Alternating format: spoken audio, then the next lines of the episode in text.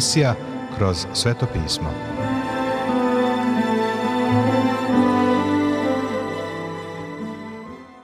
Dobroveče, poštovani slušaoci i dobrodošli u još jednu emisiju programa Kroz sveto pismo, programa koji je za vas napisao Vernon McGee, a pročitao Branko Bjelajac. Želimo vam prijetno i blagoslovljeno slušanje.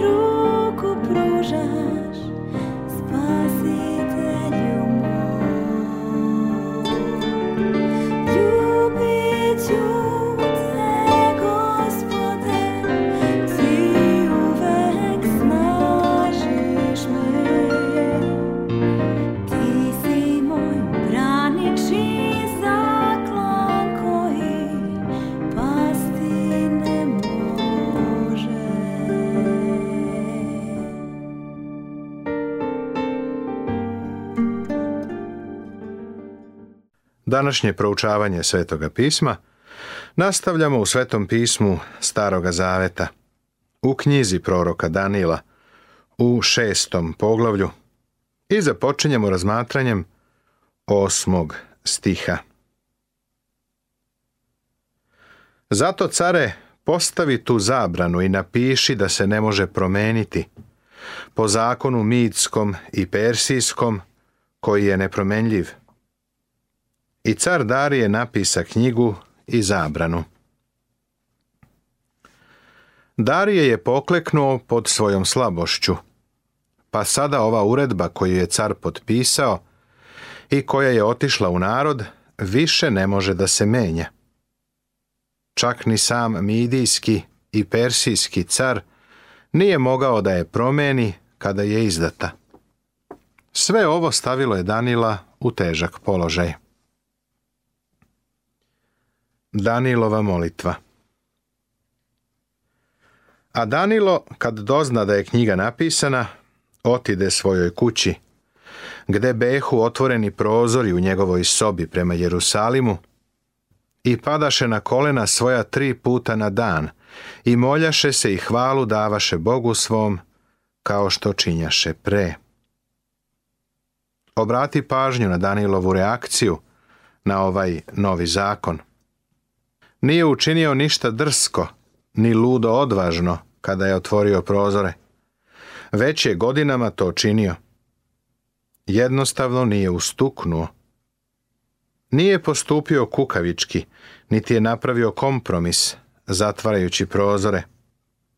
Vratio se svom uobičajenom, molitvenom životu. Želim da istaknem da je kleknuo da bi se molio često se postavlja pitanje ispravnog položaja pri molitvi. Stvarno mislim da položaj pri molitvi nije važan.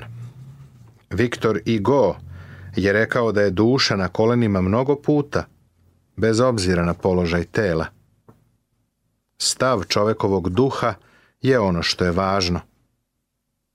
Međutim, ako želiš da izabereš položaj pri molitvi, klekni – taj položaj je trenutno pred nama. Obrati pažnju na to da se Danilo molio okrenut ka Jerusalimu. To je bio smer njegovog života i nije želeo da ga menja zbog Darijeve naredbe. Kada je bio daleko od hrama u Jerusalimu, Boži narod toga vremena se često molio okrenut u tom pravcu. Danas ni jedno zemaljsko mesto nije bolje od nekog drugog. Gospod Isus je rekao, ide čas kada se nećete moliti ocu ni na ovoj gori, ni u Jerusalimu. Bog je duh i koji mu se mole, treba da se mole u duhu i istini, kaže Evanđelje po Jovanu, četvrto poglavlje, 21. i 24. stih. Tada se sabraše oni ljudi i nađoše Danila gde se moli i pripada Bogu svom. Ovi ljudi su čekali Danila i to zaista jeste kompliment. On je bio čovek od ugleda, a njima se činilo da on neće odstupiti od svojih uverenja. I otidoše te rekoše caru za carsku zabranu. Nisi li napisao zapovest da ko bi se god zamolio kome god Bogu ili čoveku za 30 dana, osim tebi care, da se baci u jamu lavovsku? Car odgovori i reče – tako je po zakonu mitskom i persijskom, koji je nepromenljiv. Tada odgovoriše i rekoše caru, Danilo, koji je između roblje judina, neha je zate care, ni za zabranu koju si napisao, nego se moli tri puta na dan svojom molitvom. Tada car, čuvši to, ožalosti se vrlo, i naumi da izbavi Danila i truđaše se do zahoda sunčanog da ga izbavi. Tada se oni ljudi sabraše kod cara i rekoše caru. Znaj, care, da je zakon u Midijana i Persijana, da se nikakva zabrana i naredba koju postavi car ne menja. Ovi ljudi su skrenuli caru pažnju na činjenicu da je Danilo pokazivao neposlušnost. Pored otvorenog prozora se molio okrenut ka Jerusalimu. Veruj mi, to je uzdrmalo cara. je nije mogao da promeni zakon. Navuhodonosor bi bio u mogućnosti da to učini. Ovo je dokaz propadanja novog carstva – u odnosu na prethodno. Tada oni ljudi sabraše se kod cara i rekoše caru. Znaj, care, da je zakon u Midijana i Persijana, da se nikakva zabrana i naredba koju postavi car ne menja. Danila će staviti u lavlju jamu. Ni car ne može da učini ništa u vezi sa tim. Danilo u lavljoj jami. Tada car reče, te dovedoše Danila i baciše ga u jamu lavovsku. I car progovori i reče Danilu, Bog tvoj, kome bez prestanka služiš, neka te izbavi. Mislim da car nije verovao ono što je rekao. To su kao one neodlučne izjave koje nekim vernicima uputimo. Kad im kažemo, gospod će se pobrinuti za tebe. Ali, da smo mi bili u tom stanju, ne bismo se baš tako pouzdali u Boga. Međutim, car Darije je prevalio dug put i znao je da je Danilov Bog svemoguć, suveren, i da može da ga izbavi, kaže Vernon McGee u svom komentaru, koji vam večeras čitamo. Isto tako je video da je Danilo bio odan Bogu. Danilovo svedočanstvo na raskalašnom dvoru tokom dve svetske sile je bilo ravno čudu. Njegov neokaljan i skroman život je bio silno svedočanstvo – o spasavajućoj Božjoj sili u tom vremenu. I donesoše kamen i metnuše jami na vrata. I car ga zapečati svojim prstenom i prstenom svojih knezova, da se ništa ne promeni za Danila. Stavili su kamen na ulazu lavlju jamu, i tu je Danilo proveo noć. Lavovi su bili divlje zveri. Nisu to bili bezubi, stari lavovi. Ima jedna priča o čoveku koji je dobio posao u zoološkom vrtu. Rekli su mu da uđe u kavez sa lavovima i da ih nahrani. A kada je odbio, čuvar mu je rekao, slušaj, ovi lavovi su bez zuba. Čovjek je odgovorio, ma to sam primetio, ali bi mogli da me desnima sažvaću na smrt. Danilovi lavovi su imali zube. Lavovi su bili žestoki. Ipak, desilo se da je te noći najsigurnije mesto bila baš ta lavlja jama. Mislim da je tu Danilo prilično dobro spavao. Zanimljivo je da je car bio uznemiren više od Danila, a verovatno je bio i u većoj opasnosti. Danilovo izbavljenje Tada otide car u svoj dvor i prenoći, ne jedavši niti dopustivši da mu se donese šta, čim bi se razveselio i ne može zaspati. Car nije spavao, a Danilo jeste. Darije je proveo besanu noć radi brige o Danilu. Potom car usta ujutro rano i otide brže k jami Lavovskoj. I kad dođe k jami, viknu Danila žalosnim glasom. I progovori car i reče Danilu. Danilo, slugo Boga živoga, Bog tvoj kome služiš bez prestanka, može li te izbaviti od lavova? Ne znam da li je car očekivao da mu Danilo da odgovor, ali Danilo jeste odgovorio. Tada Danilo reče caru, care da si živ do veka, Bog moj posla anđela svog i zatvori usta lavovima, te mi ne naudiše, jer se nađoh čist pred njim, a ni tebi, care, ne učinih zla. Care, da si živ do veka. Ovo je bio uljudni Danilov pozdrav, kojim je ispoljavao i poštovanje. To je bilo kao da je rekao da li si dobro spavao. Naravno, car nije dobro spavao, ali Danilo jeste. Danilo je očigledno bio potpuno uveren, kao i trojica njegovih prijatelja u užarenoj peći, da Bog može i hoće da ga izbavi. Njegov anđeo je očigledno bio onaj isti koga je Navuhodonosor video u užarenoj peći, preutelovljeni Hristos.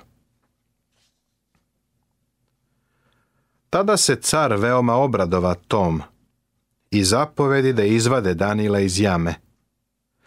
I izvadiše Danila iz jame i ne nađe se rane na njemu, jer verova Bogu svom. Car je voleo Danila. I bio je oduševljen što je ovaj čovek spasen. Danilo je spasen verom. Koji verom pobediše carstva, izvršiše pravednost, postigoše obećanja, zatvoriše usta lavovima, kaže poslanica Jevrejima, 11. poglavlje, 33. stih Svetoga pisma Novog Zaveta. Potom zapovedi car, te dovedoše ljude koji behu optužili Danila i baciše u jamu lavovsku njih, decu njihovu i žene njihove. I još ne dođoše na dno jami, a lavovi ih zgrabiše i sve im kosti potrše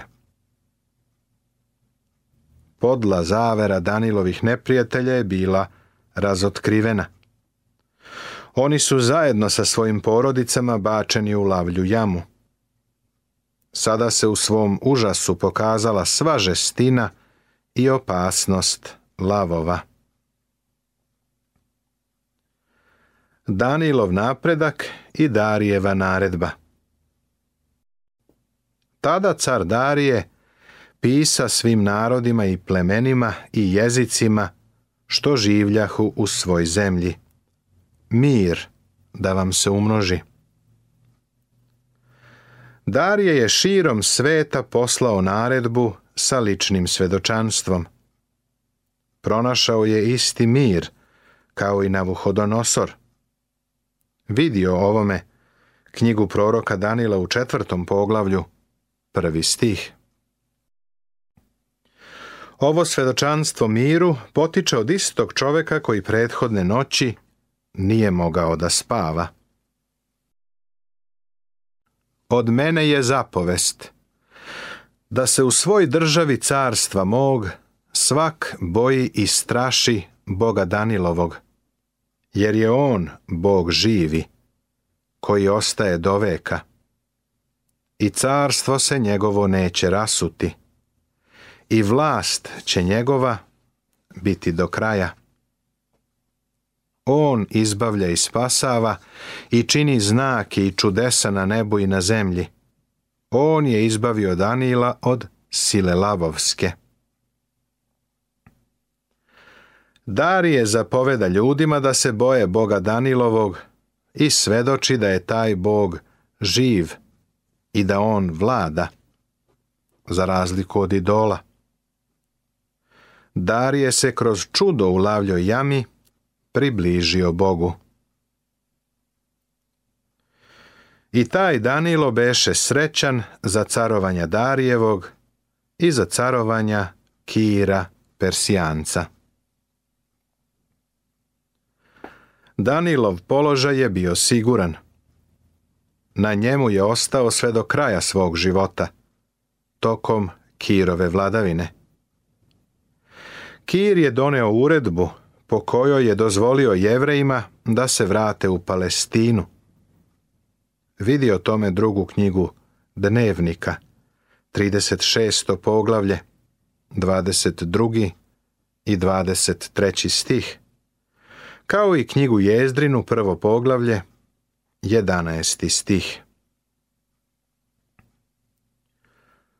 Ovim se završava strogo istorijski deo Danilove knjige.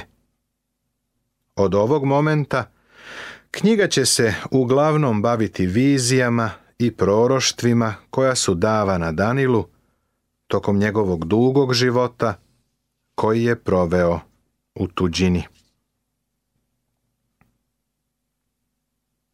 Poglavlje sedmo Tema Danilova vizija četiri zveri viđenje kako sin čovečiji dolazi u oblacima nebeskim. Definisanje četiri zveri. Objašnjenje četvrte zveri. Poglavlje sedmo započinje novi, drugačiji deo knjige proroka Danila. Prvih šest poglavlja sadržavalo je istorijsku noć sa proročkim svetlom, Posljednjih šest poglavlja su proročko svetlo u istorijskoj noći. Kao što je u prvom delu knjige akcenat bio na onom što je istorijsko, tako je u ovom delu akcenat na onom što je proročko. Istorijska pozadina je zadržana. Bog daje Danilu nekoliko vizija o četiri zveri, koje su zaista izvanredne. Danilo je ove vizije imao u različitim vremenskim periodima. Ova vizija iz sedmog poglavlja datira iz prve godine cara Valtazara. U osmom poglavlju je vizija iz treće godine Valtazarove vladavine. U devetom poglavlju je vizija iz prve godine Darijeve vladavine. U desetom poglavlju je vizija iz treće godine vladavine Kira, a u poglavljima 11. i 12. je vizija dobijena u prvoj godini Darijeve vladavine. ove vizije nije zabeležio u istorijskom delu, nego ih je sakupio u ovom drugom delu knjige. Navuhodonosor Vavilonski je bio sjajan čovek, koji se iznenada našao uzvišen na poziciju prvog svetskog vladara. Njegova teritorija se prostirala na tri kontinenta. Zauzeo je Egipat u Severnoj Africi – a imao je teritoriju i u Europi. Imao je izvanredno carstvo, veće od bilo kojeg svetskog vladara koji je ikada vladao. Ali Navuhodonosor se pitao kakva će biti budućnost. Šta će biti sa njim i njegovim carstvom? Usnio je san o liku sačinjenom od više vrsta metala a Bog mu je preko proroka Danila protumačio taj san. Nastavit će se.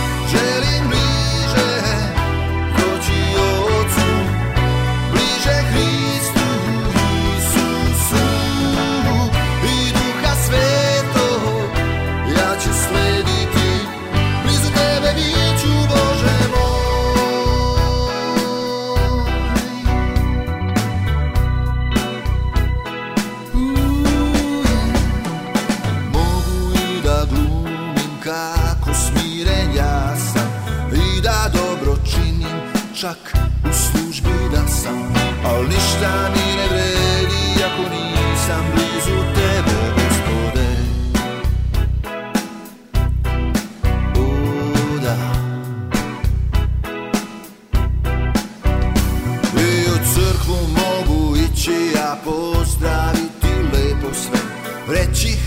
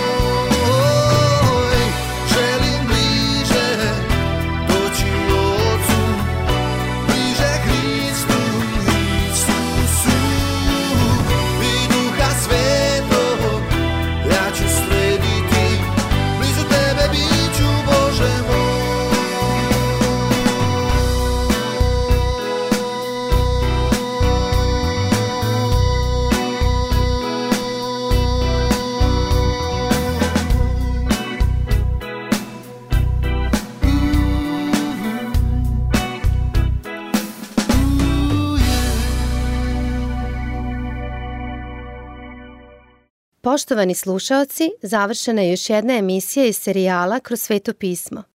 Ovaj program možete da slušate svakog radnog dana na talasnoj dužini od 1548 kHz u vremenu od 22 sata do 22 sata i 30 minuta. Ukoliko želite da nam se javite, da nas pohvalite ili pokudite, da nam predložite izmene kojima bismo mogli da poboljšamo naš program, ali i da vas nagradimo kakvom dobrom hrišćanskom knjigom, Novim Zavetom ili celom Biblijom. Na raspolaganju su vam telefon, elektronska pošta ili obična pošta. Broj našeg telefona je plus 381 062 396 331.